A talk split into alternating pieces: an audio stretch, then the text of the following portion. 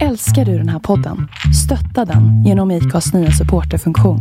Det är helt upp till dig hur mycket du vill bidra med och det finns ingen bindningstid.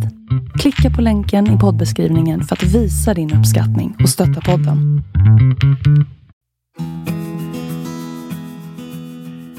Nej men välkommen Jonas! Ska säga välkommen till dig kanske? Eller ja, om ni bara skulle se oss nu. Tack Jonas! Nu är jag faktiskt i Jonas garderob i Skåne. Ja, vi har flyttat in i garderoben. Jag har tagit med alla grejer med från Stockholm. För vi känner det kanske här vi får lugn och ro nu att spela in äntligen ett poddavsnitt till. Eller flera. Eller flera, det, det står ju på önskelista. Och eh, det är jag som heter Kerstin Sörbom och jag har företaget Sinnenas Resor. Mm. Och här sitter jag med Jonas. Jonas. Mm.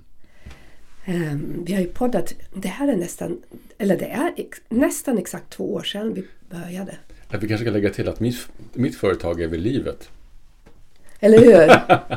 ja, och så mycket mer såklart. jo, så det. Ehm, Så finns det. inga värdering i vad jag har för företag. Det är lite... ah, om, om ni vill ha mer information om mig i alla fall. Om Jonas får ni inte det. Mm. Men hos, hos mig då kan ni titta på min hemsida. Ehm, Men nu är vi nere i Skåne. Det, är- det, är, det är fascinerande kanske man kan säga att det är. Det, det, ehm, jag ska ta min medhörning här. Jag har hörlurar på mig. Det blir jobbigt. Ehm, det är liksom, vad hände? ja, vad hände? Um, puff!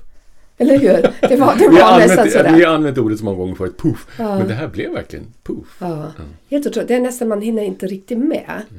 Och det tar väl ett tag att, att liksom landa. Som med allt naturligtvis. Ehm, men det gick allt väldigt fort och om det inte hört av oss på ett tag. Då var det ju när man är mitt i görandet och mycket planering och förflyttningar och då finns det ingen, inte det utrymme att prata en timme om själen. Nej, vi har också befunnit oss geografiskt på två olika platser så det har varit svårt. Så jag, var- jag, jag är merparten varit här nere och när jag varit på Stockholm då har jag jobbat. Och vi vill inte spela in via telefon. Nej, eller så. det det går liksom inte för oss. Så om ni orkar lyssna en hel timme eller har lyssnat på oss tidigare, då fattar ni att det inte går. Vi måste se varandra. Och vi måste skapa en känsla i rummet. Mm. Eller hur? Ja, alltså, alltså, vi fick ju det förslaget med tanke på att vi har ett avstånd, alltså ett geografiskt avstånd på oss. Ehm, att vi skulle göra via, via lina så att säga. Ehm, men jag bara totalvägrade på en gång. Så här, nej, det går inte, det, det är helt omöjligt. Ehm, eh, för det vi pratar om det är saker som ehm, dels är väldigt berörande för oss faktiskt. För det är det för mig i alla fall. Jag vet att det är det för dig. För du har ju bölat ett antal gånger och det har jag också. Eh, När vi har pratat om saker. Ja, ehm, och jag tror också att ni blir, blir berörda som lyssnar. Eller jag hoppas det i alla fall. Och, och det bygger ju på att, att vi sitter i samma rum. För jag, jag är övertygad om att den inom citationstecken magin kan inte uppstå eh, via telefon eller, eller, eller, eller via Zoom eller vad man nu skulle spela in det via. Det, det finns inte. Och eftersom vi inte har undrat vad ni vill lyssna på, då hade vi nästan åtta timmar i bilen på oss att fundera över vad ska vi podda om? Eller hur?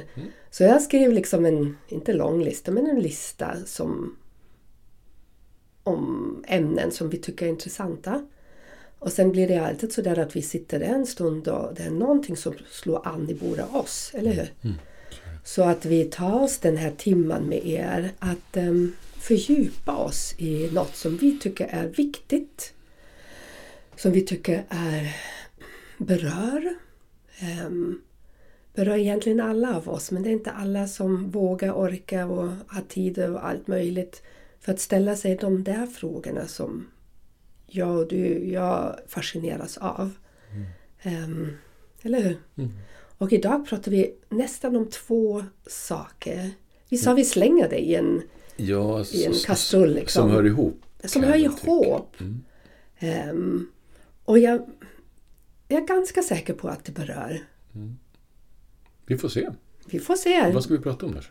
Vi ska, vad ska vi prata om? Vi ska prata om rädsla för närhet. Och samtidigt, eftersom det går ihop, hur vet vi att vi älskar? Mm.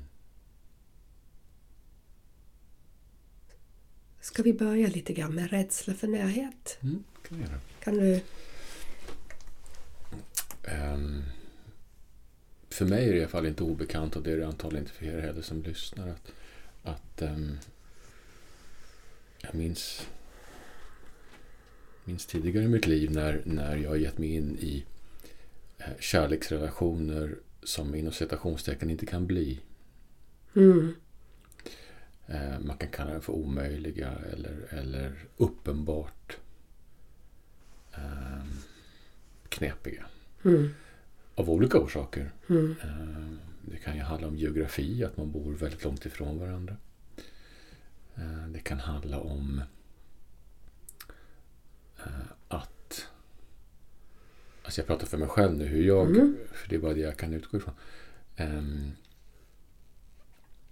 att jag hamnar i relationer som gör att jag inte agerar på ett sätt som känns sunt för min, min hjärta och min själ. Mm. Så, eh, det kan ha en tydlig ådra av besatthet kan vi faktiskt säga. Att, att, att vi går igång så pass hårt på den här relationen eller det här mötet eller viljan till relationen med den här andra människan. Så att vi mår helt enkelt inte bra.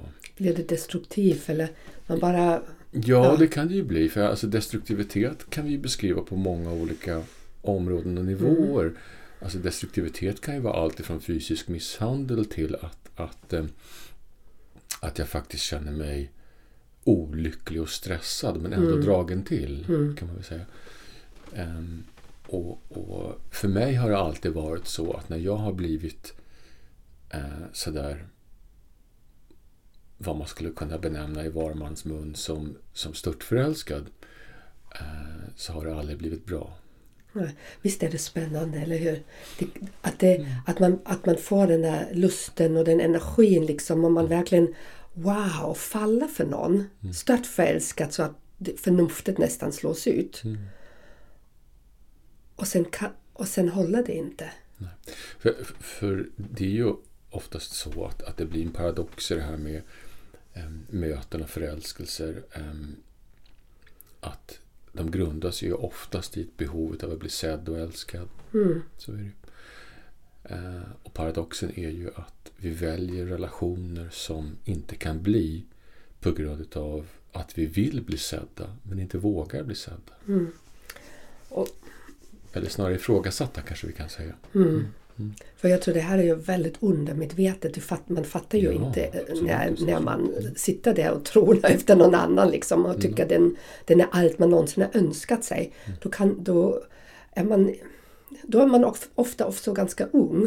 Så man kanske ser inte de där mönstren som det alltid innebär. Nej. Och, och ofta bygger det här många gånger på, åtminstone för mig är det så i alla fall, att, att ehm, eh, de flesta av oss har ju en rädsla eh, alltifrån en, en hanterbar rädsla till en rädsla som faktiskt förlamar oss att, att bli em, lämnade och övergivna.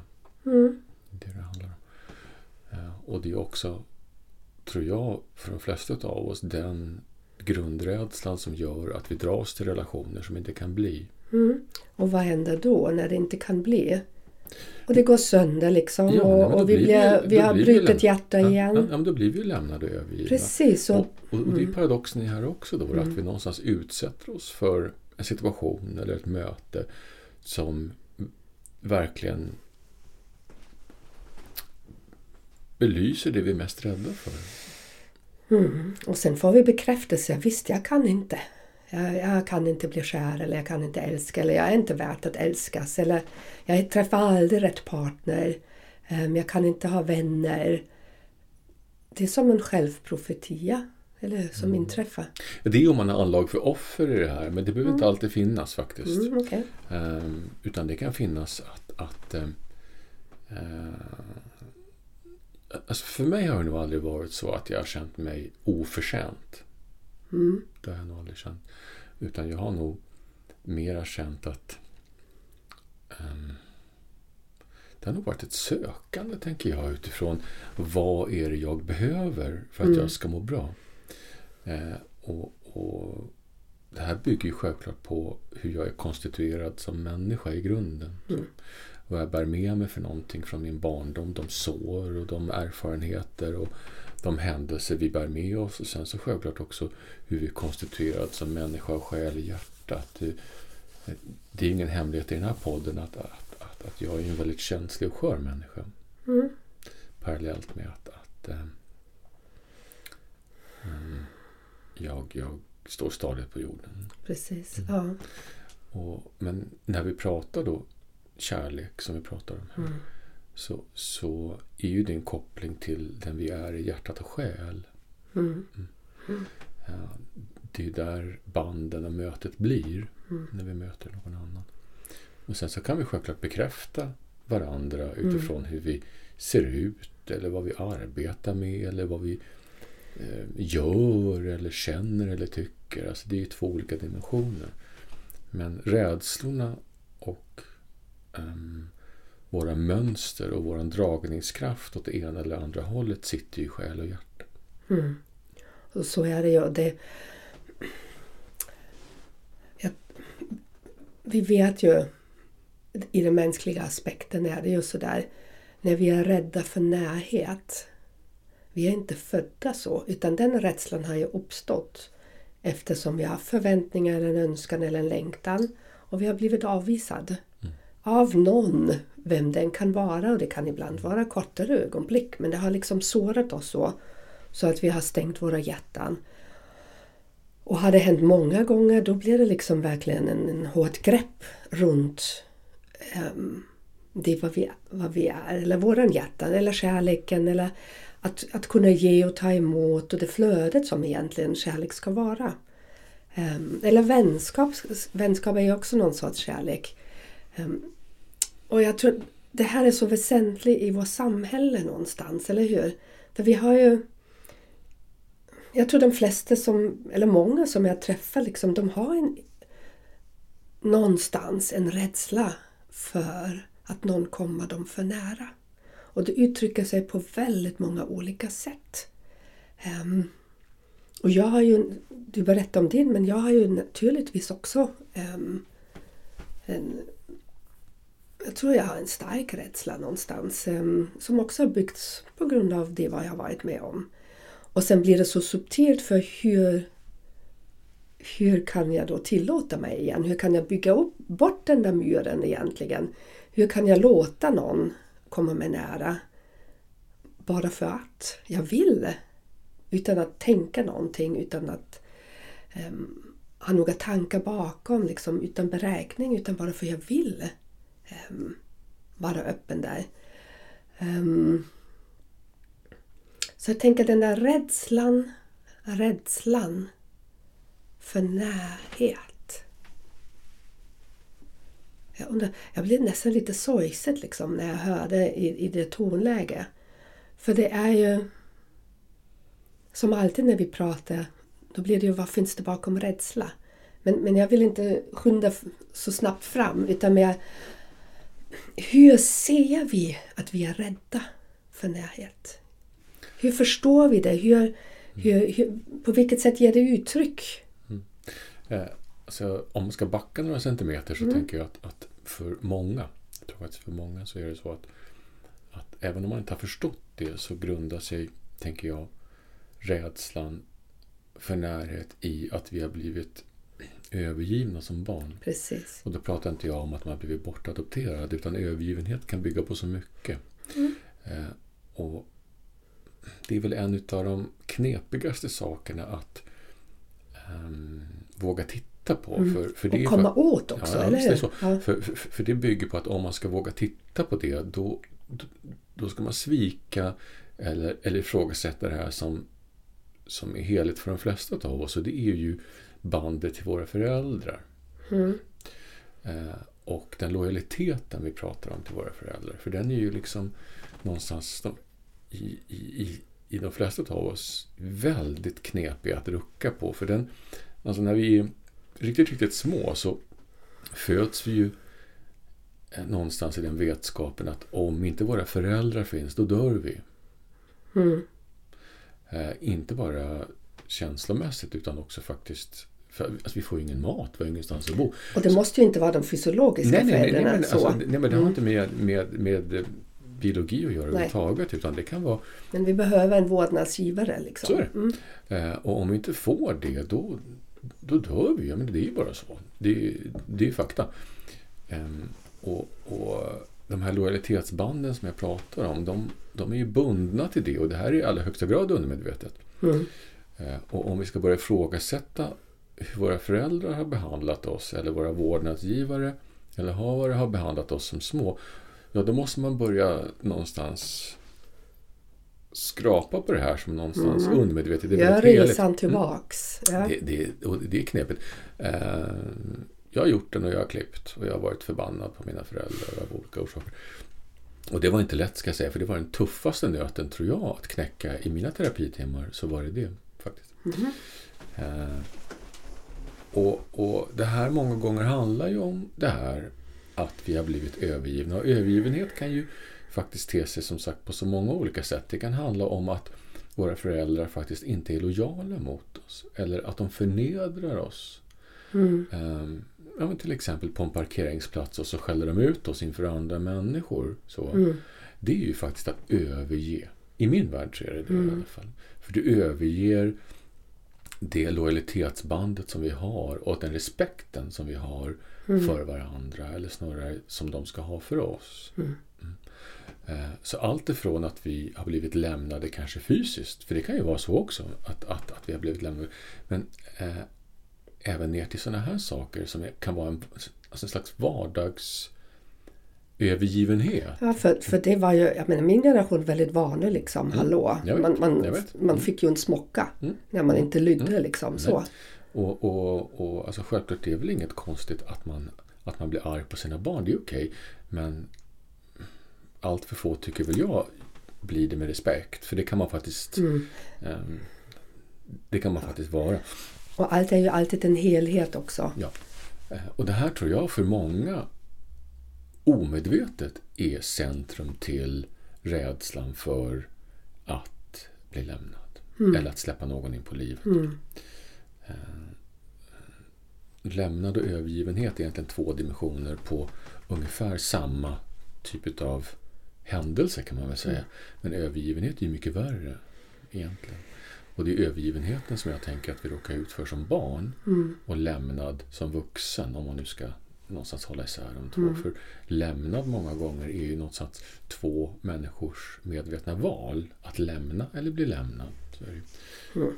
Men övergiven det är ju att, att, att vi inte har något Mm. val och vi kan inte faktiskt eh, eh, gå vidare utan... Sen är många, jag menar, i många relationer är det en som kanske sticker. Ja, ja. Så. Och då blir man lämnad. Men, men den där rädslan som of, jag tror att den grundar sig väldigt ofta i någonting vad, vad vi upplever när vi är yngre. När vi är barn. tror jag. På, som sagt, ibland det kan vara någon lärare som har... Du vet sådär, måste inte alltid även vara förälder. Det kan vara någon faster, måste en syster också. Men det här är det utforskande. Att gå så långt tillbaka i tiden så att vi förstår. Det var här någonting hände. Jag tror alltid att det är en människa som vi har fått förtroende för. Kan Ja, precis. Jättebra, för det kan ju vara whomever. Så. Så. Och då, då uppstår liksom det där, det där såret i oss. Som, som du säger, lämnad eller överlämnad, övergiven. Som vi bär med oss. Ehm, som kan som kan vara så det som, eller det är ju antagligen det som hindrar oss från att låta någon komma in igen. I, i, att skapa närhet till en annan människa. När vi inte ser det, när vi inte förstår det, då går vi igenom kanske ett helt liv med att bli lämnad, att lämna själva, för vi vågar ju inte. Om någon, om någon annan skulle möta oss och är redo för en fördjupad relation, då sticker vi ju för vi blir rädda. Ehm, så det är väldigt komplex. Jag tycker det är väldigt, ja, otroligt intressant det där. Ehm, det ena är att vi aldrig låter någon komma nära, och leva hela livet med en distans. att aldrig älska på riktigt.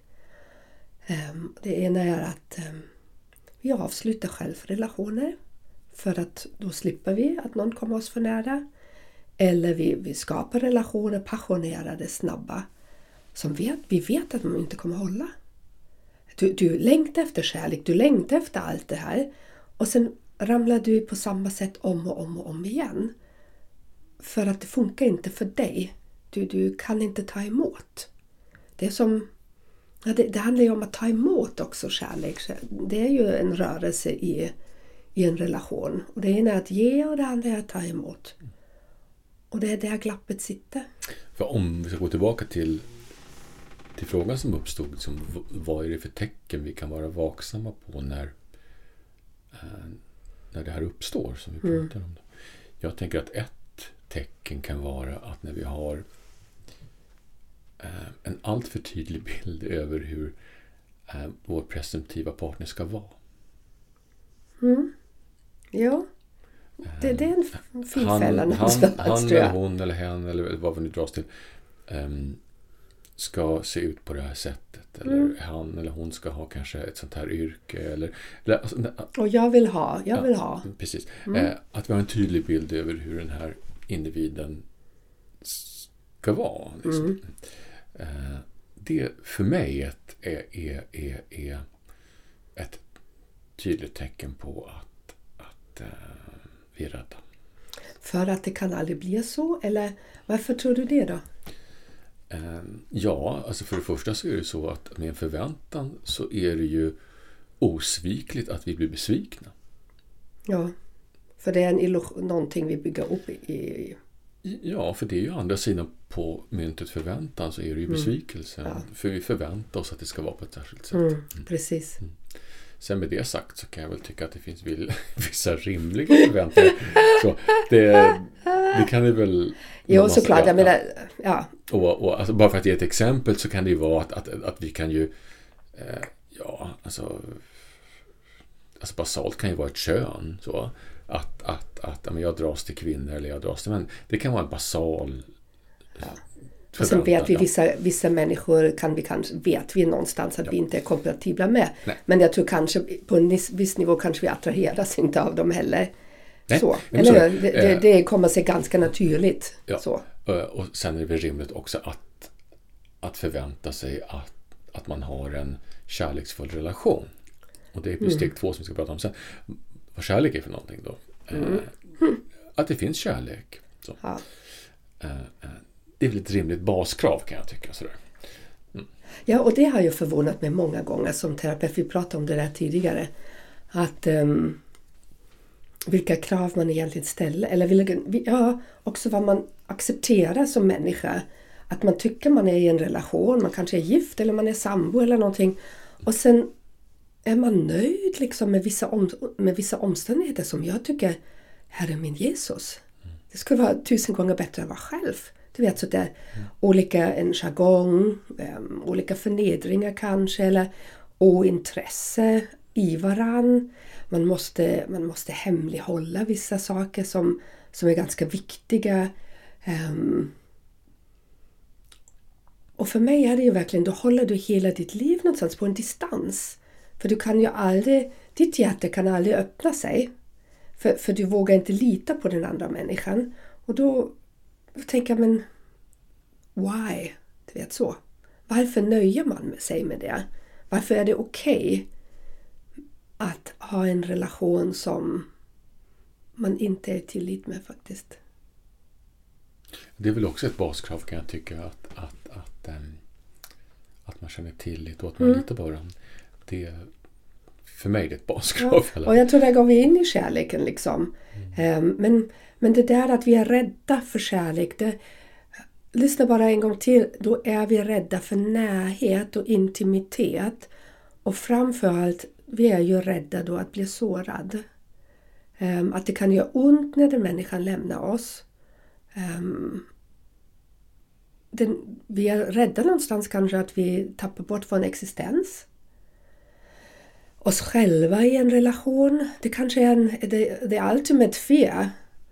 Um, att vi, om vi håller någon på avstånd då existerar vi ändå någonstans. Men tänk om du, om du låter någon komma för nära och den har liksom en dolk i handen och knuffar den i ditt hjärta. Men kan det inte vara så att, att, att ehm, för jag tänker på det här med kärlek och sorg. Mm. Det här är ju två stycken väldigt stora känslor som vi möter i livet. Mm. Eh, som är omöjliga att undvika. Eller mm. Jag tror vi har poddat om, ja, om sorg. Ja. Men eh, eh, alltså jag tänker så här att, att eh, är det då inte rimligt att, att, att om vi är rädda för att möta sorg mm. och då pratar jag inte alltid i oss själva utan kanske i andra människor för det är oroväckande vanligt faktiskt. Mm. För vi vet inte hur vi ska hantera det och hur, och, och hur vi ska möta människor mm. i akut sorg. Mm. Eh, är det då också inte rimligt att, att vi parallellt då är rädda för akut kärlek? Jag tror det säkert. Um, för eftersom det hör ihop naturligtvis. Och det är ju och då tillåter vi ingenting. För vi, vi vågar inte. Um, jag tror det har... No, vänta, jag måste, vill bara backa två meningar. För, för när du pratade, då dök det upp i, min, min, i mig att um, ett minne jag hade när jag var betydligt yngre och innan hela min själsliga resa började. Då, jag tror det var min man gick bort en kväll och jag fick en panikångestattack. Men det hade ju naturligtvis att göra med min självkänsla. Att um, jag trodde jag kunde inte... Jag vet inte, jag var liksom inte så mycket utan den andra. Jag såg inte mitt värde i någonting. Jag såg inte att, även som han skulle lämna mig, jag menar det skulle göra ont, så pratar vi om sorg. Men jag skulle ändå stå stadig någonstans. Jag skulle fixa livet på något sätt i alla fall. Och det är ju den där tilliten. Um, och också om han skulle nu välja att lämna mig för, av någon anledning, för någon annan. Då skulle jag tänka, men då är han inte värt mig. Förstår du? Då skulle jag inte krackelera på grund av att jag tycker det är fel på mig. Och, och det är ju det som när, när vi vill gå i kärlekens spår, när vi vill gå med ett öppet hjärta och i själslig kontakt, då behöver vi läka den delen i oss som är um, ostadig, som är ett öppet sår, som är rädd, som har rädsla för att förlora någon, men också rädsla för att förlora oss själva. För att förlora sig i en passionerad relation, det är inte kärlek för mig. Utan det är en passionerad relation där man sen kanske kan bygga kärlek på. Men det är någon annan energi i det. Um, så det är hela tiden den observationen vem man själv är när man går in i en vänskap eller på en arbetsplats eller, eller i en kärleksrelation. Och då är vi, för sorg som vi pratade och poddade om, det, det, ingen vill förlora någon. Det är inte det. Men sorg är ju också en fantastisk energi. Om jag får säga så. Eh, men jag tycker den är otrolig, att utforska den, den är otrolig... Den är så kraftfull. Och den är häftigt. Liksom så. Det är ingenting man vill ha, liksom. jag vill inte förlora någon. Men när det väl sker, att, att, um, att vara sårbar i sin sorg det är en otroligt fin gåva. Så. Um, vad är det räddaste för dig i, i, i kärlek?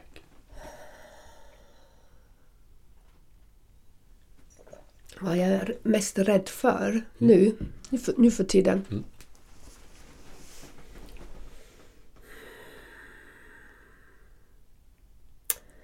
Jag, jag kan...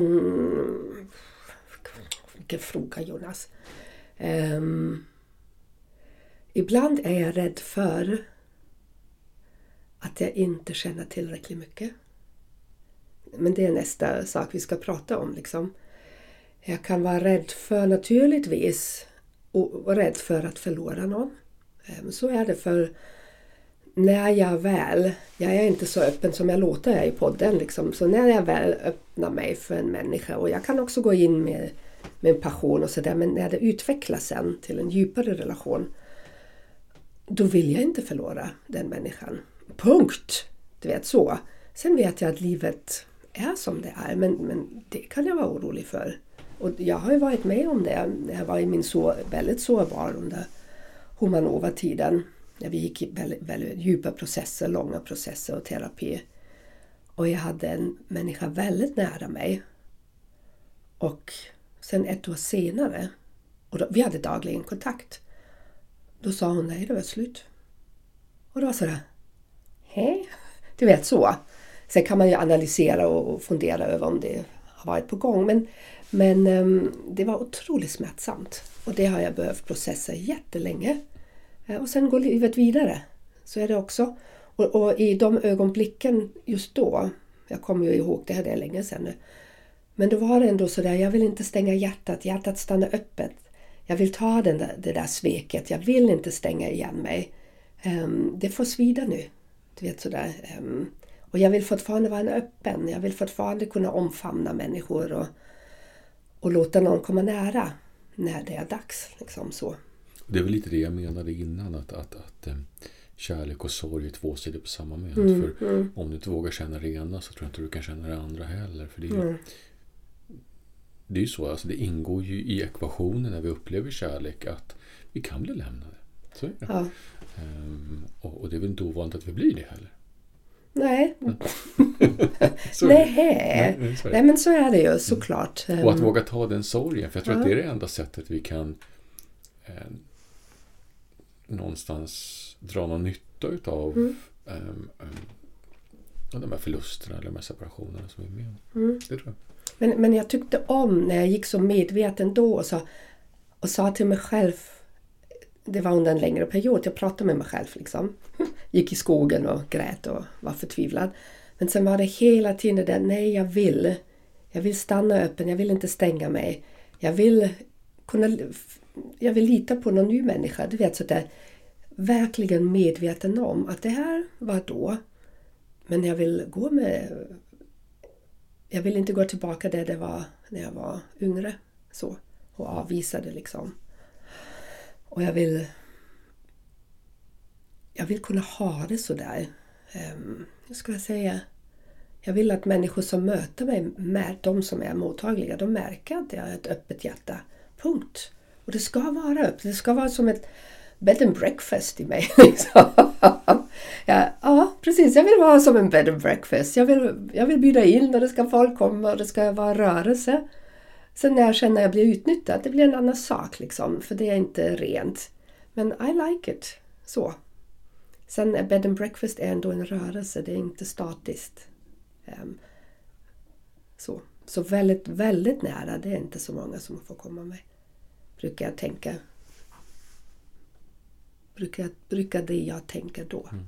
Alltså jag uppfattar ju dig, apropå det här med att, att, att släppa nära. Liksom den, alltså jag tänker att den största, um, ska säga, den mest tydliga indikationen eller, eller beviset på att man är dig nära, det är att du känner förtroende. Ja, och det måste man förtjäna. Mm. Om, om jag nu är så rak. Det är sådär, det får du inte blindo. Eh, jag tänker på att Tillit Ja, måste nej, men jag... alltså, ja. alltså, så jag tänker på liksom vår relation och jag tänker på att det är ju faktiskt har hänt en par tre gånger då jag skällt ut dig Åh ganska rejält. herregud, ni skulle bara veta. Liksom. Eh, Och det är inte för att jag Och det var inte så länge sedan Nej, sist jag ska jag säga. vet. Och nu sitter jag i garderoben igen. Och det är inte utifrån att jag är arg på dig utan det är utifrån att jag faktiskt eh, ehm, vill dig väl och känner stor kärlek. Det, det är ju faktiskt Men det är brutalt. det är brutalt. Jag brukar säga att det här är den maskulina Jonas, liksom, som, eller den, den, där, den där sidan. Rak, tydlig. Och jag är själv väldigt rak. Jag kan ju säga saker ibland som, som kanske uppfattas som, som hårt. Men det är ju inte det. För när man litar på den andra, det är precis som du säger. Det är ju inte så roligt att läsa. Och först går man ju i försvar såklart och säger jävla idiot. Liksom så. så är det ju. Och sen andas man genom och sen går man och andas genom orden. Man andas ju genom orden liksom. Och budskapet på något sätt. Och när den är sann, då vibrerar den ändå med din innersta röst. För även när du var verkligen brutal nu, då var det ju sådär, ja men jag, jag vet ju. Alltså när man kan släppa ilskan så kan man se meningen bakom det som skrivs. Eller Precis. Det som sägs. Mm, den, där, den där sårbarheten som blir det försvaret. Kommer jag mig inte för nära. Du får inte säga sådär. Mm. Och skulle jag inte lita på Jonas då, då skulle jag inte prata med honom ever, ever, ever again. Liksom. Och så är det för det där får inte alla säga. Um, de flesta är ju också, för, om man får säga sådär, de flesta människor är för fega för att säga det. Mm. När man frågar för, du vet sådär. Det är ju också så intressant för vi, vi är ju rädda att såra någon. Vilket som är så dumt för vi kan inte egentligen göra det. Men vi vågar ibland inte när vi vet en annan innersta svaghet är det ju inte, men, men du vet sårbarhet. Det är ju sårbarhet. Alla har ju det. Och sen kommer någon och hackar precis i det där. Sådär, borra in i det vad som är din såra, sårbara punkt. Jag tycker våra, mina barn är väldigt duktiga på det också.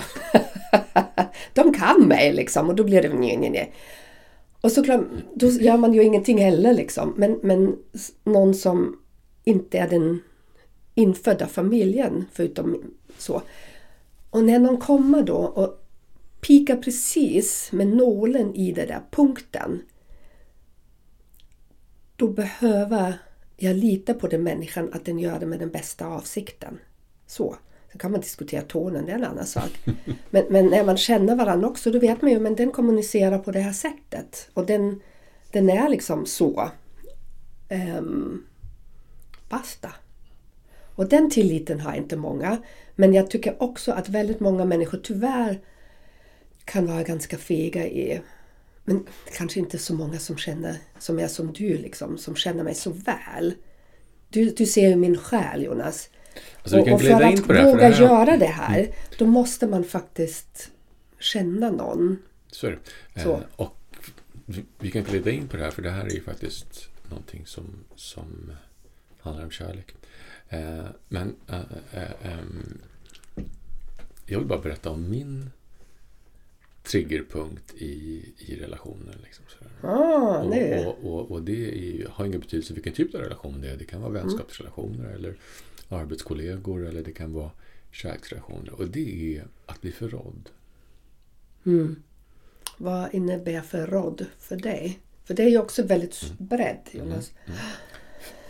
Förrådd för mig innebär att eh, den här personen eh, inte är lojal mot mig i relation till andra människor. Mm. Och vad innebär det? Om du fördjupar det lite. Ja, alltså... Ska jag säga så här? Alltså, du kan tänk... ju lyfta det ur dig också. Ja, men, det kan men... jag göra. Mm. Alltså, jag tänker på det här praktexempel som den här alltså, fantastiska Kristina Lund som inte lever längre. Då, som mm. jag tycker, alltså, hon sa på sånt här um, um, debattprogram en gång så sa hon, alltså, in, inte ordagrant vet jag, men alltså, alltså, kontentan var så här när hon var ihop med en man. Alltså jag skiter i om du knullar med grannfrun, bara du inte förråder mig. Mm.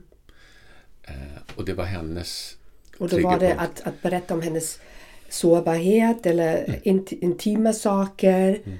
De förtroenden som vi delar med mm. varandra. Mm. Alltså, alltså, förtroenden kan ju faktiskt bygga på väldigt mycket men förtroende för mig handlar ju om min innersta kärna och, och det som i mig, i mitt liv är eh, men som gör mig utsatt kan man säga. Mm.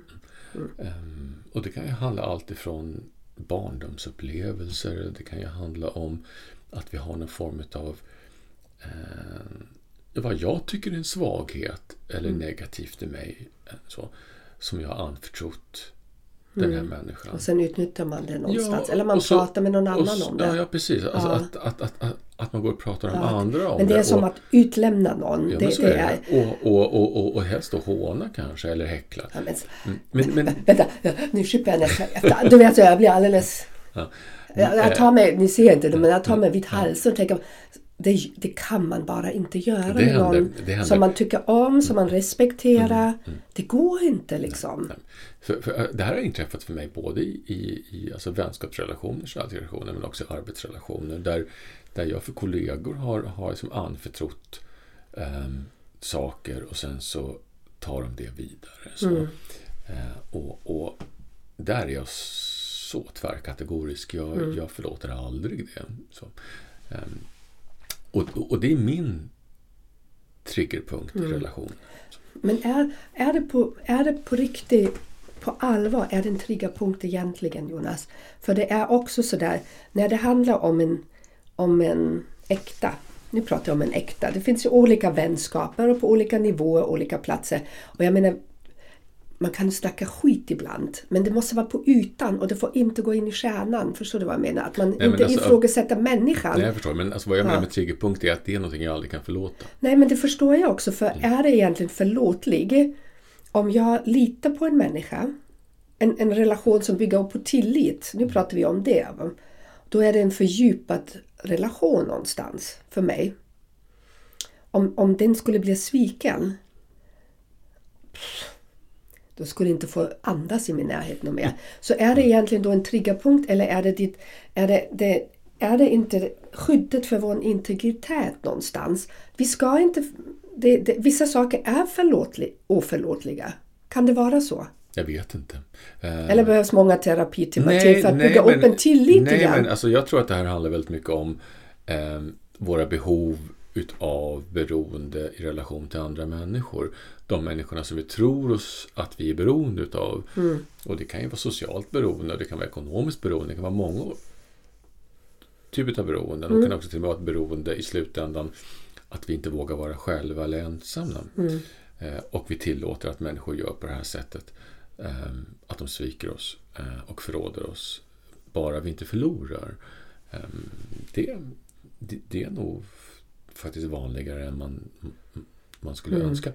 Eh, och, och där sätter man ju också någonstans, tänker jag, faktiskt ribban för, för, för sig själv. Mm. Sin självrespekt. Mm. För, för mig handlar det väldigt mycket om självrespekt. Mm. Du, om, om jag har en nära relation, jag investerar jättemycket. Tankar, känslor, allt möjligt, liksom tid. Eftersom jag vill inte ha 50 nära vänner liksom, utan jag har några utvalda. Och, och de får allt av mig. De får liksom hela mig på ett sätt. Men skulle de svika mig på det sättet? Skulle de förråda mig? Ehm, bye bye. Jag är ganska bra på, det har jag lärt mig som barn, liksom, det går inte, jag kan, det skulle jag aldrig. Och jag tror att det har att göra med integritet någonstans och självrespekt. Och, Man måste ju sätta gränser någonstans. Hur, hur illa får någon annan göra mig? Det här gör ju ont. Ja, för de flesta så gör det nog det. Det, det, det, det är jag övertygad om. Ja, men, någon som går i medvetenhet, Exakt. då gör det ont. Så är det. Ehm, Och naturligtvis, ja för det gör ont för de, de svikar dig. Ja. Det är svek. Ja, men det, det är ju logiskt att ju mer du vet vem du är, Ja. ju mer gör det ont när du blir förrådd. Och mig hände det för inte så många år sedan av eh, någon var berusad till jag pratade om det där. Men det gjorde så ont i ögonblicket. Jag hörde, och det var ju alkohol inblandad, men jag hörde några meningar och det var som någon nästan rev hjärtat ur mig. Och då var det, det var slut. Det fanns ingen mercy. Och jag var ju inte så snäll. Jag gjorde eh, tvärslut. Relationer, de fattar ju aldrig. Men jag orkade inte ens förklara. Utan, jo, du, du vet sådär. Så. Ehm, jag tror vi behöver... För att våga låta någon komma nära behöver vi också veta de där gränserna, eller hur? För annars vi kan ju bli... Det är en annan relation. Vi kan ju gå runt med vidöppet hjärta liksom. Och sen folk förråder oss, de utnyttjar oss, allt det där. Det är ju inte det vad vi pratar om. Då för att gå tillbaka till det här med Mm. när, när jag skäller ut dig.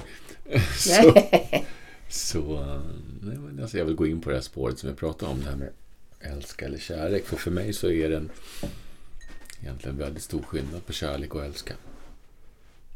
Definitionen kan man säga. Eh, Men om vi först ska prata om om det som jag kan drämma till dig med ibland. För det händer väldigt, väldigt sällan att jag gör det med någon överhuvudtaget.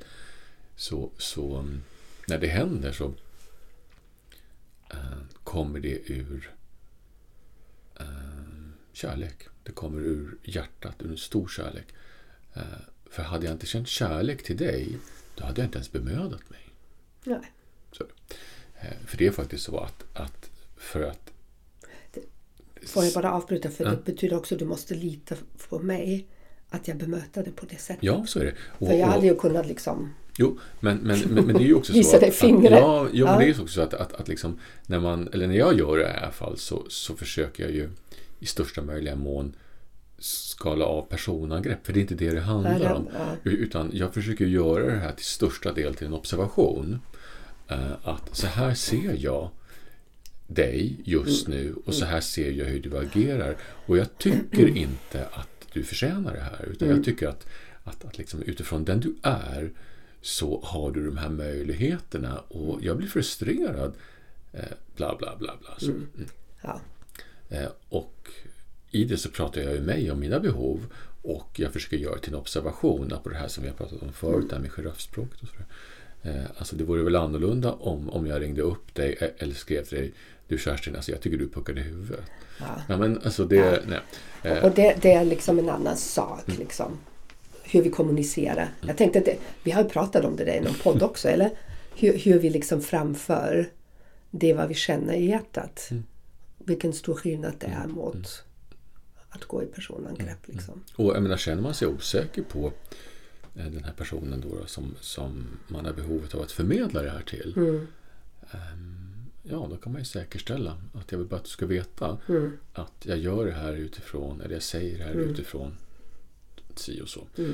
Eh, Men självklart, alltså, när jag reagerar, det, det är väl inte orimligt att det också, också handlar om mig och, och mina behov. Men, men, men fortfarande behoven utifrån mig är ju baserade på Mm.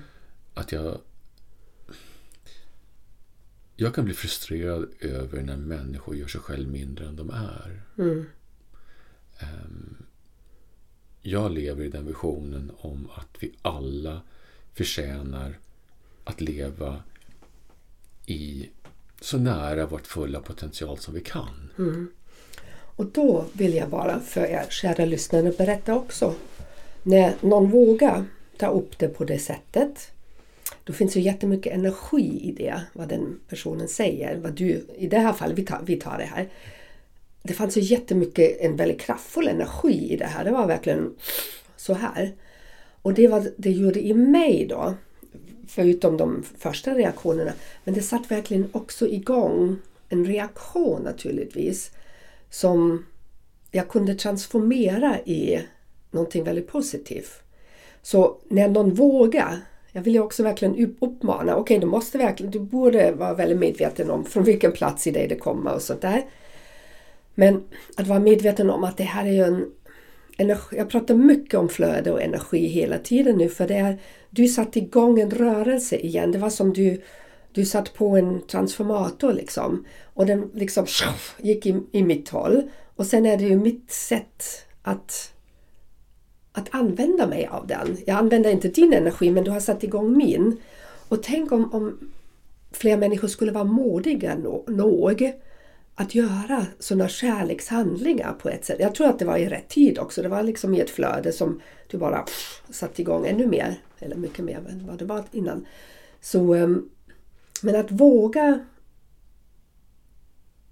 i denna sårbarheten vad det innebär. För det är ju väldigt sårbart på ett sätt.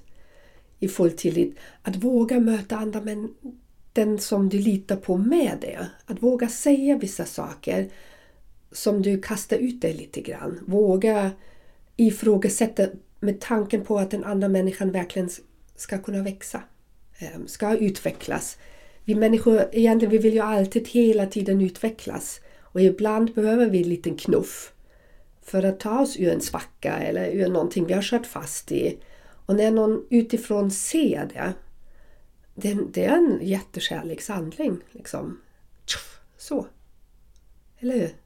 Ja, alltså jag tänker på det här med när man sitter i en terapisituation kontra en relation. För då, alltså när man sitter i en terapisituation så är det väl att, att man ställer frågor. Mm. Du kan berätta, jag menar, om, om, om vi skulle sitta i, i en Mm. sån situation. Du berättar någonting för mig och då kan jag fråga, jaha, Och det går hela tiden till mig själv tillbaka. varför Liksom. då? Mm. Precis. Eh, Det är ju en, en typ av Igångsättande. Mm. Mm. Och det andra är ju någonstans baserat på att, att man kanske har en ganska djup relation. Precis. Mm. Ja. Och det, det är apropå att våga vara sårbar och våga um, ha en relation överhuvudtaget. För allting bygger ju någonstans i grunden mm. på att man vet att, att den andra vill mig väl. Mm. Det, det är ett grundförtroende mm. som finns. Men, men får jag bara, så att det kanske blir tydligare för vissa av er som lyssnar. För jag är inte van vid det här överhuvudtaget eftersom jag flyttade och flyttade och flyttade. Det var så enkelt. Ni vet, jag behövde inte ha några långvariga relationer. För de avbröts ju och det har pågått i jättemånga år. Och sen flyttade jag även till Sverige när jag var 27. Så ni fattar. Och då var det faktiskt min vän då i Marocko, jag pratade med honom någon gång, som verkligen gjorde mig så asförbannad. Han, han var på gränsen liksom. Och i vanliga fall om jag inte hade haft så nära relation med honom på ett sätt, inte någon, någon annan, då hade, jag honom, då hade jag bara dissat honom och sagt fuck off. Liksom. Så det gör du inte med mig. Och det var lite på gränsen. Men samtidigt sen när, när vi hade samtal efteråt, då var det så fint att, att kunna gå vidare med det här i bagaget och bygga någonting annat på det. Så för, det var då första gången jag väldigt medveten valde att fortsätta lita på den och behålla, behålla en relation. Istället som så många gör, för att inte bli sårad en gång till, att avsluta. Väldigt sådär, ni vet man observerar men så här känns det nu. Kerstin, du kan välja avsluta eller fortsätt. Och sen valde jag att fortsätta. Det, det var otroligt spännande. Um, bara som ett exempel. Mm. Ja, men, men de relationerna blir egentligen... Ja, ingen relation är... Finns inga garantier. så. Men, men det blir väldigt bra efteråt. Vi har pratat om förut flera gånger definitionen mellan kärlek och älska. Mm. Jag tänkte vi skulle ta upp den tar vi nu då. Ja, alltså, alltså min Herregud, definition... vi har inte så lång tid kvar. Nej, men vi ja. kan, kan, väl babbla så länge vi vill och så får ni väl som lyssnar stänga av när ni tar Ja, precis. Ni kan väl lyssna på det här om och om igen. Två ja.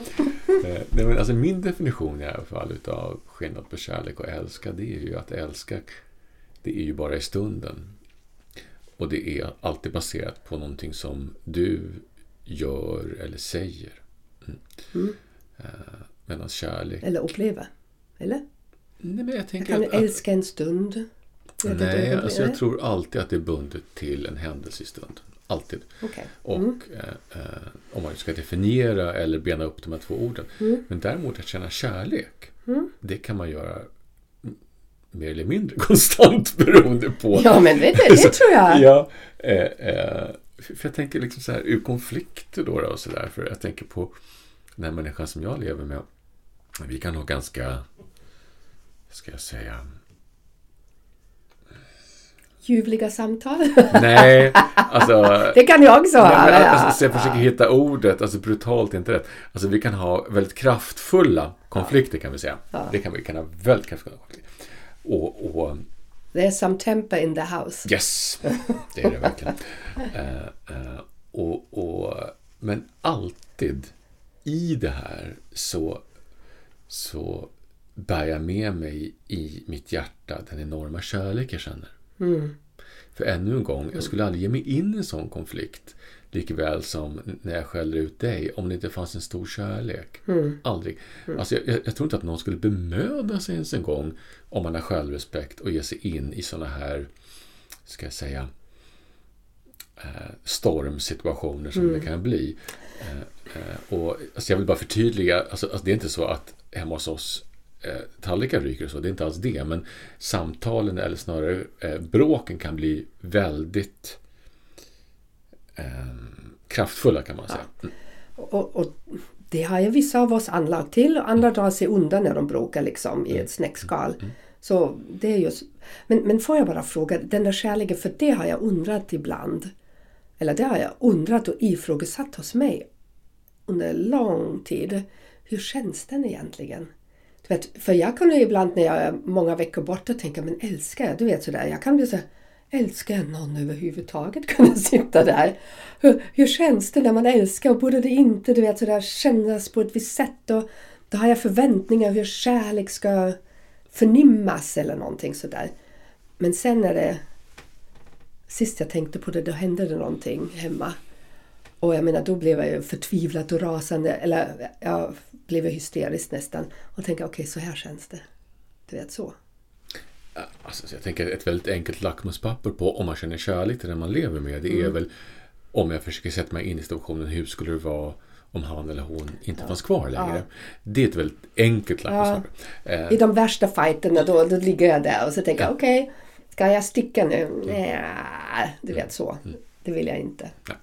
Eh, och har man gjort det här några gånger så vet man ju att, att dagen efter så så känns det oftast lite annorlunda. Precis. Eh, och, och, men alltså... Men, men, får jag, förlåt Jonas, nu mm. avbryter jag för nu är jag lite igång här. Mm. Och då blir det sådär, men i det fallet kan ju också det där kärlek, det kan ju också vara den där, ja men jag har inte råd att bo själv eller jag kan inte, du vet sådär. Mm. mm. Det kan ju komma ur ett beroende. Men det är inte kärlek. Det är inte kärlek. Men, men när jag säger vill jag vara utan den, då kan det ju vara av rent praktiska anledningar.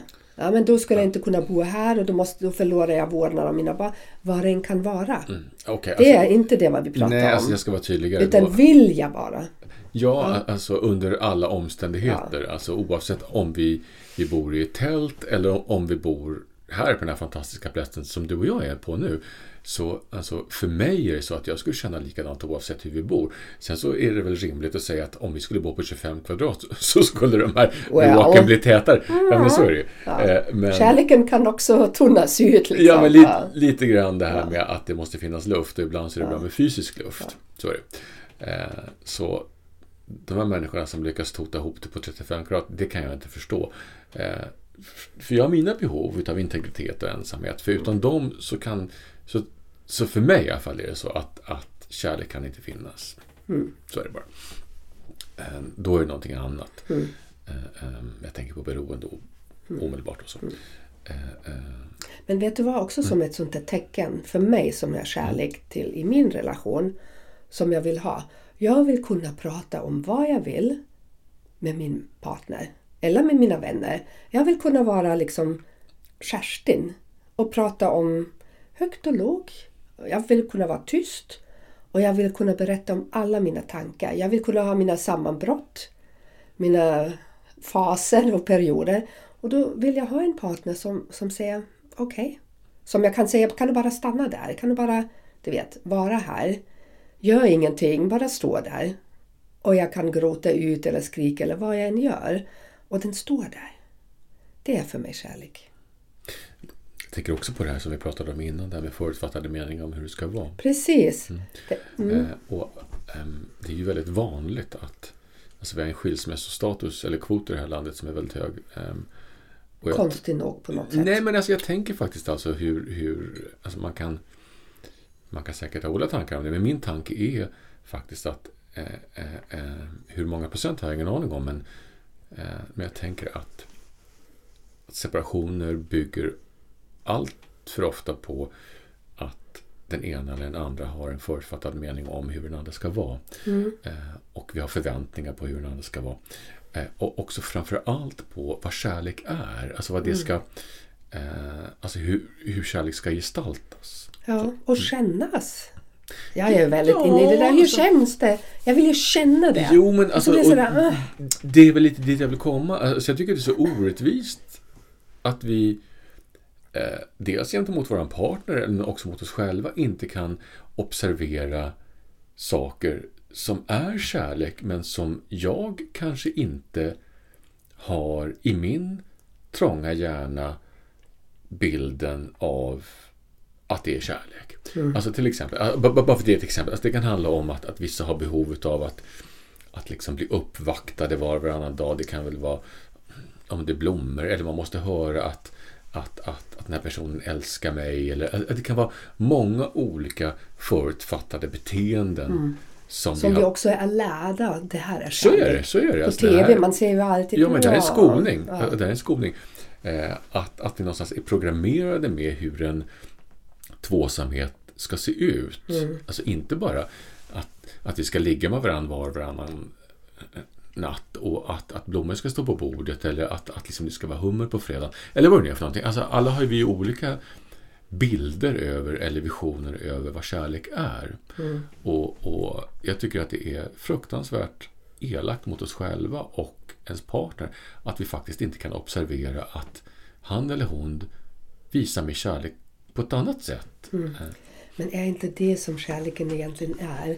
Att vilja verkligen se din partner och utforska din partner också någonstans. Du vet, att den där viljan att se men för honom eller för henne eller whatever. Då, då är det så här. Det är den där nyfikenheten på den andra och ser, ser också, nu uttrycker hen kärlek.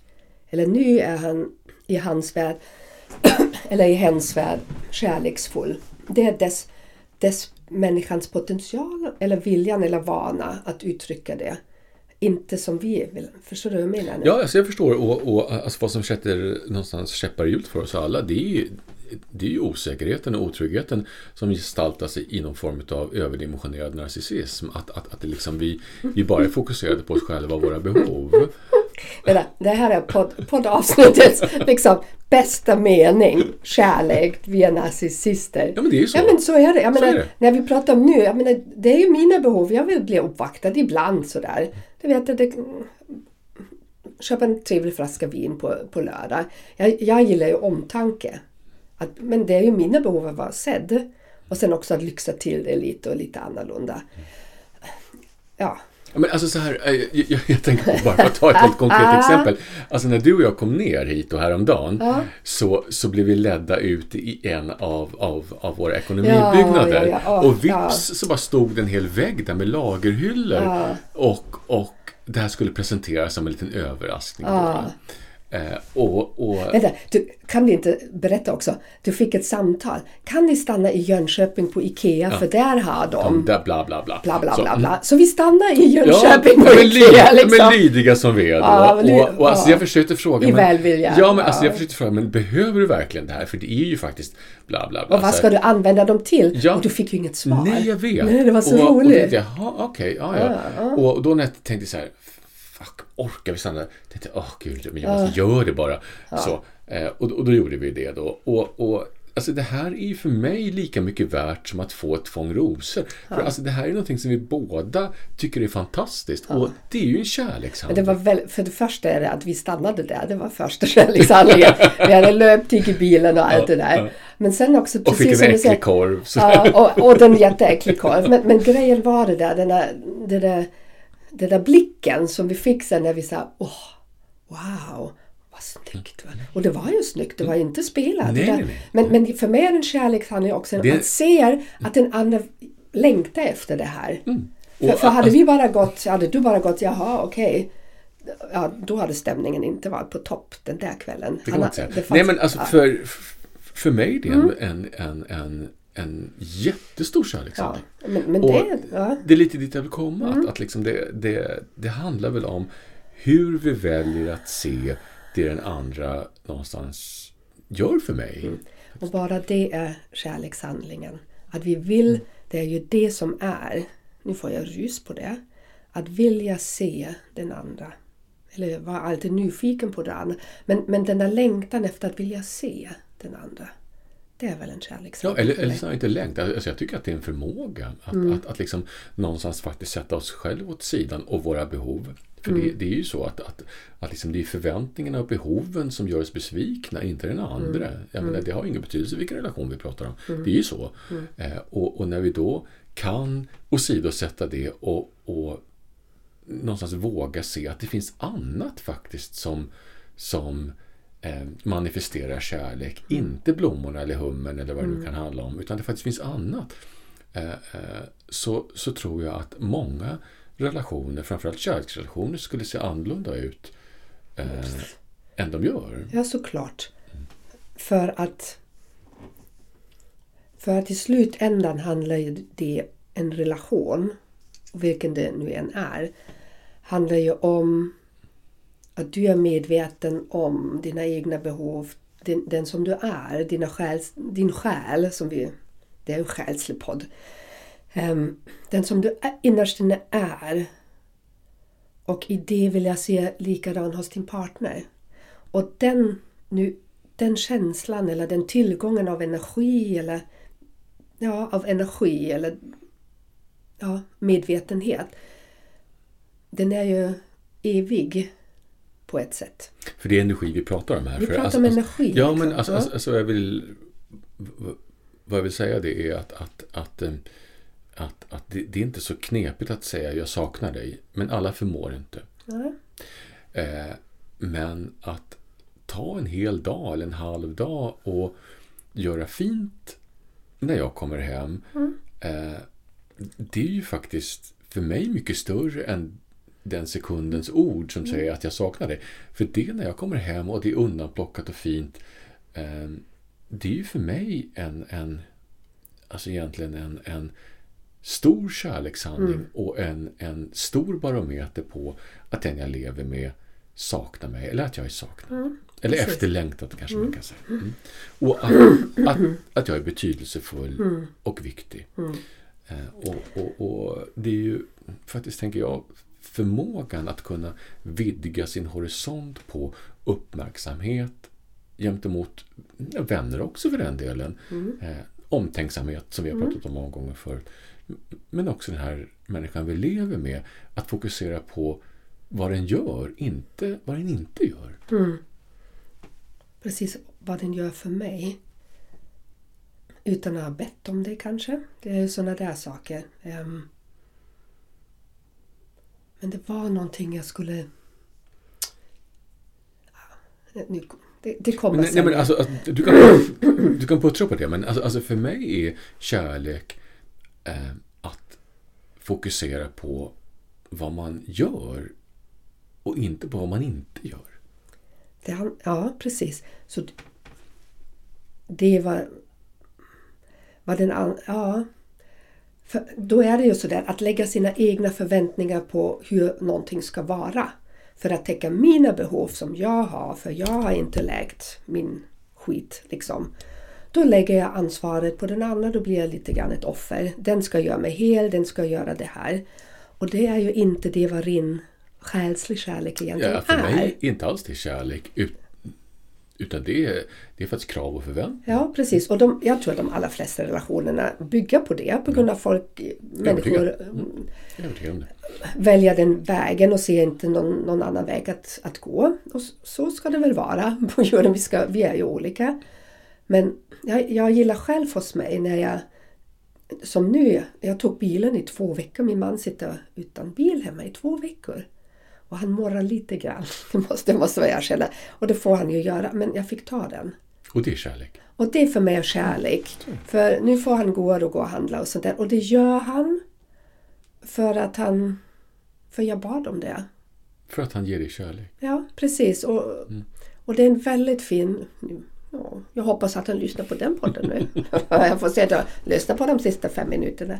Men, men ehm, det är där vi måste... Jag behöver också ibland bli bättre på att lägga fokus. För jag kan ju gå jag, och säga men jag vill också bli uppvaktad. Men det är då jag tappar bort hur han vaktar upp mig egentligen. Men det handlar alltid om att vilja sätta sig själv åt sidan och se den andra. Och vilja vara i den kommunikationen, i den platsen, i den energin med den andra för man vet tillsammans när man möts sådär och när man kommer ihop sådär. Um, det är då man är som kraftfullast. För man, man kompletterar varann i den egen ständiga man är i den energin.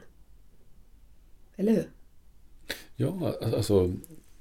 Det handlar ju om att, liksom, att tillsammans, var och en, tillsammans, då blir det som bäst. För jag tycker fortfarande att, att väldigt många människor fokuserar allt för mycket på vad man inte får. Ja, absolut. Absolut. Kontra på vad man faktiskt får. Ja, Eh, och det är ju faktiskt någon form av, ska jag säga, självvald grundtes i livet. Att Mm. antingen så är glaset halvfullt eller halvtomt. Ehm, det kanske vi ska podda om nästa gång. nej, men då bara för att summera. Antivirusprogram Kerstin. Ja, men alltså bara för att liksom summera. Men med ålderns rätt så, så har jag eh, någonstans lyckats ehm, byta glasögon Mm.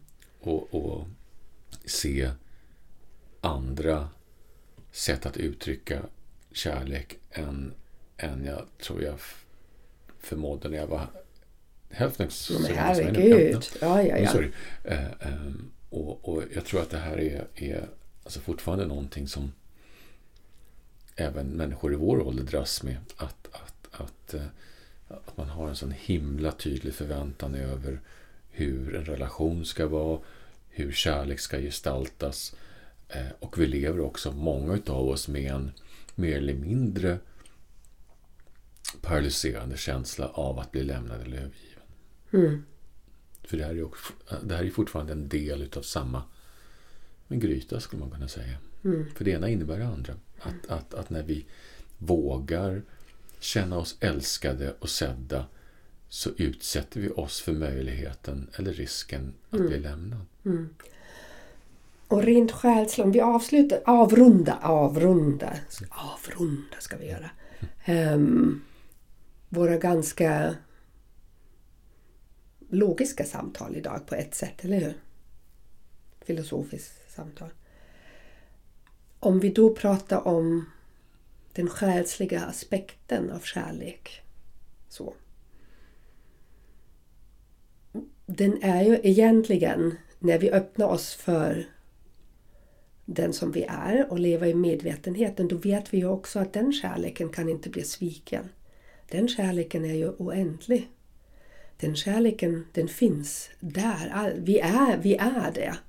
För mig är det så. Ehm, och då blir den här rädslan för att bli lämnad eller sviken den har ju minskat ganska dramatiskt sedan dess. För jag vet alltid om jag går in i mig själv, då kan jag plocka upp den förnimmelse eller den känslan, eller berusningen som är så stor att jag ibland nästan inte kan haverera den. så.